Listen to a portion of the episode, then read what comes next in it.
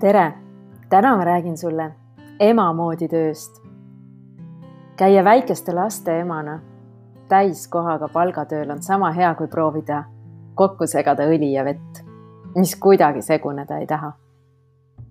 kuidas leida oma viis töö tegemiseks, kui väärtused on ümber kalibreeritud ja ajaressursid emana muutunud?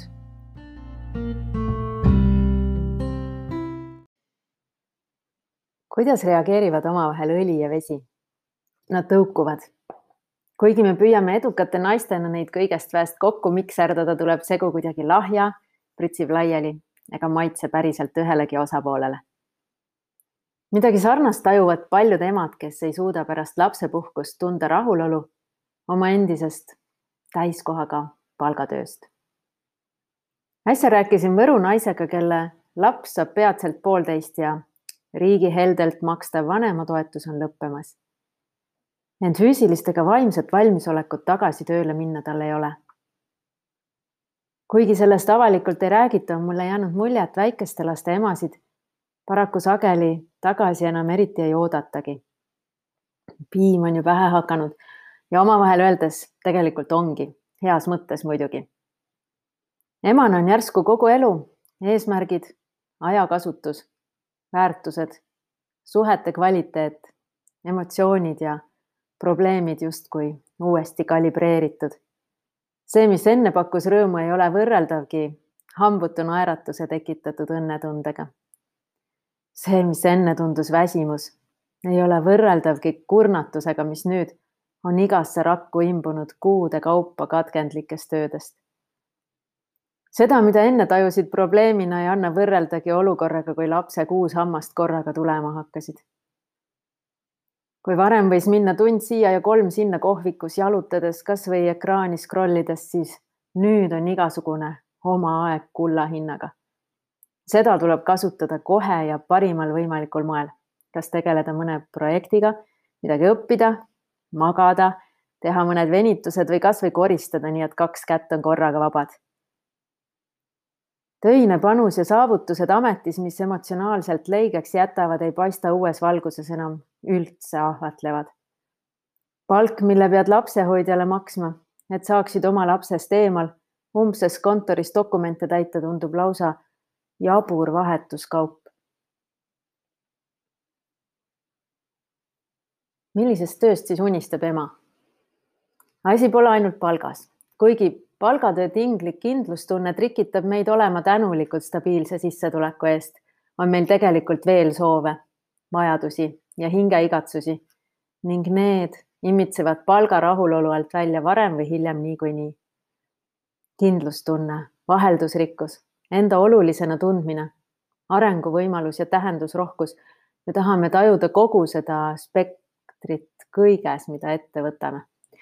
ja igas valikus on nüüd kaalukausil ka aeg lapsega. hetkest, kui oled lapsega koju jäänud, on elu väärtuslikkus ja sisu saanud teise tähenduse.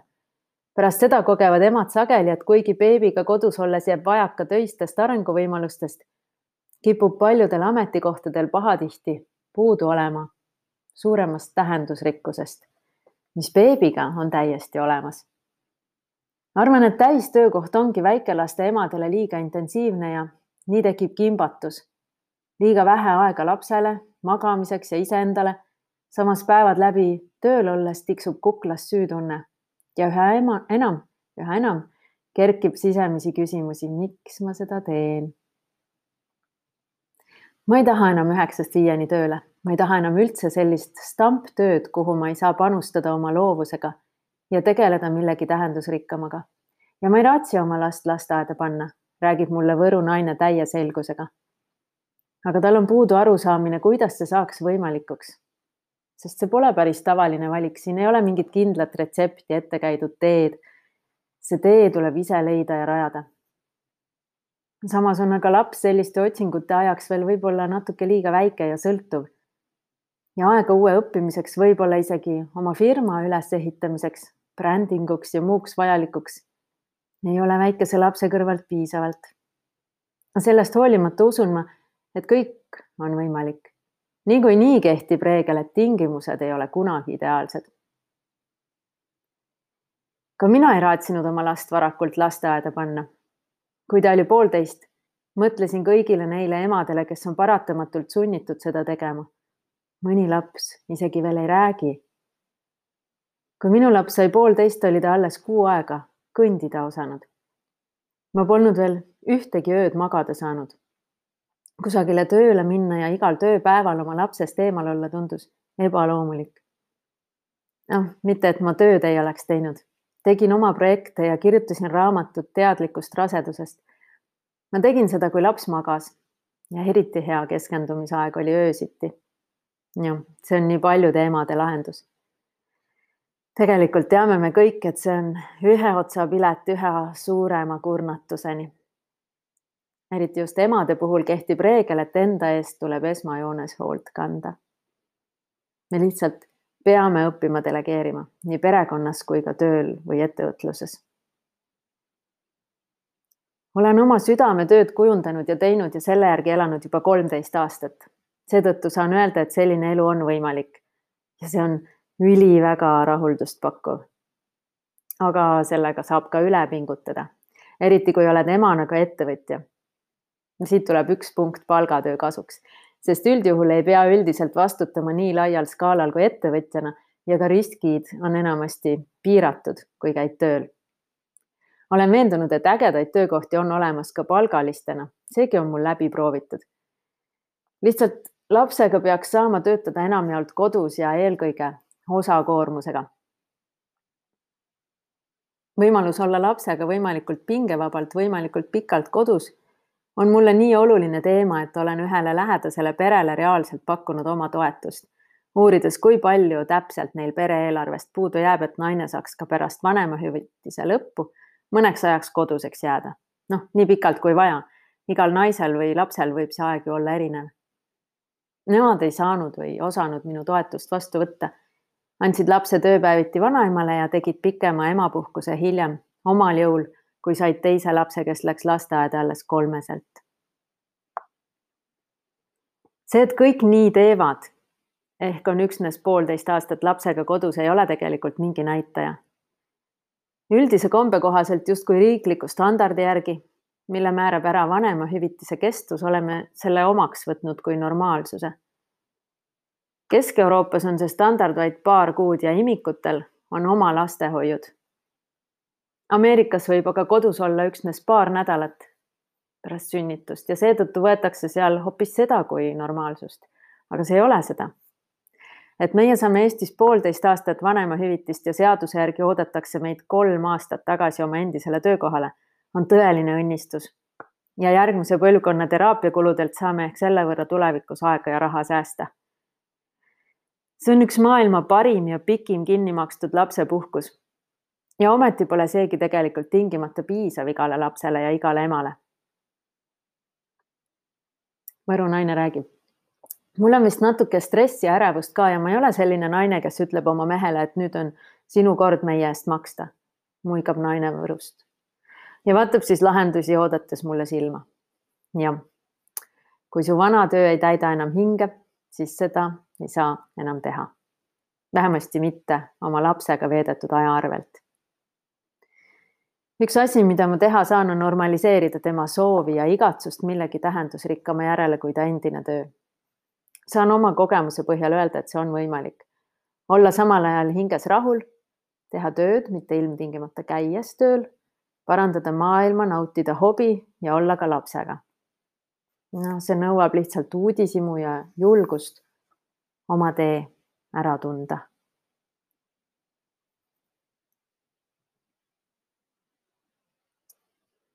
ja lõpetuseks ma loen sulle mõned punktid soovitustena, kuidas leida oma tee töötamiseks.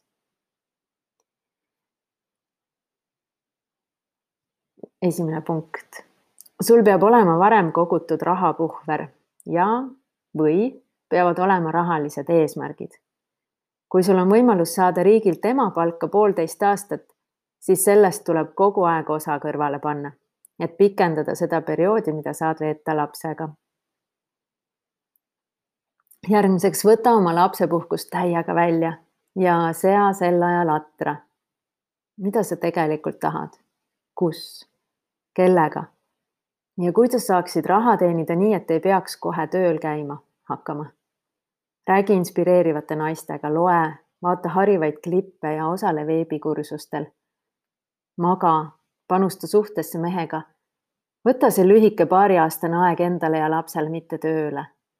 ja kui sul ei ole veel last või on ta pesast väljas, mõtle, millega teenida raha siis, kui sa ei saa seda teha palgatööl või lihtsalt ei soovi palgatöö kasuks otsustada võta aega, et seada paika oma sisemine kompass. järgmisena, aega, oma või tööaega pole väikese lapsega enam üldse. Seda tuleb reaalselt võtta, organiseerida ja kokku leppida, vahel lausa kinni maksta, aga see tuleb võtta ja mitte oma une arvelt. järgmisena, sinu kompassi põhjanaelaks on kõik, mis sulle meeldib ja südame rõkkama paneb. kõik muu, suhted, paigad, tegevused ja asjad peab jääma kõrvale. kas tasapisi ja järk-järgult või kui oled julge, siis kasvõi ühe korraga. järgmine punkt, kui sa tööellu tagasi minnes selles enamasti meeste järgi paika seatud maailmas osakoormusega ja oma väärtustele vastavat tööd ei leia, on olemas ju ka naisettevõtjaid ja naisjuhte. ja kui su silm särab, sul on elujanu ja elurõõmu ja see on paljuski meie endi kätes ju, siis kui mitte mehed, siis vähemasti naised oskavad küll naisi hinnata. peetakse ju naisi sageli parematekski juhtideks, kuna meil on sageli rohkem empaatiat, tugevam intuitsioon ja soov hoida häid suhteid. ja me oleme kohutavalt kohusetundlikud. kõik, mille eest me võtame hoolitseda, saab tähelepanu ja armastust nagu oma laps ja viimane punkt. kui sul ei ole oma hobi või teadmist, mis võiks olla see, mida sa päriselt armastad teha ja jagada, siis tuleb leppida, et sul ongi pikem tee käia. aga ise leiutada, võtab see siis aega kauem või vähem, tuleb see tee niikuinii. ja aega tuleb sinna panustada seejuures ennast säästvalt. kui sa oskad seda teha kiiremini ja paremini kui mina või paljud teised emad, siis siiralt kõrget ja kerget lendu sulle